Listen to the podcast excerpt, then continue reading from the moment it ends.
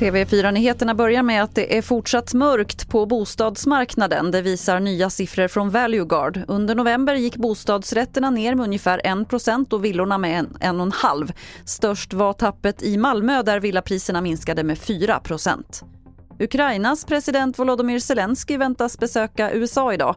Det blir i så fall den första utlandsresa Zelensky gör sedan kriget bröt ut. Enligt uppgifter i amerikanska medier ska han besöka både kongressen och Vita huset. Det här sker samtidigt som kongressen förbereder ett nytt militärt stödpaket till Ukraina till ett värde av 45 miljarder dollar. USA-besöket sker i ett kritiskt skede för Zelensky och Ukraina. Efter årsskiftet tar Republikanerna över makten i representanthuset och även om inga stora förändringar väntas så har republikanska företrädare under krigets gång ifrågasatt fortsatt stöd till Ukraina. Reporter här var Filip Jakobsson. Och till sist kan vi berätta att Ikea återkallar skrivbordsstolen Odger. Det finns risk att underredet på stolen går sönder och att man skadar sig, det skriver Ikea i ett pressmeddelande. Om man har en sån stol med datumstämpel till och med 2221, 22 för året och 21 för veckan då den tillverkades, då ska man lämna tillbaka den.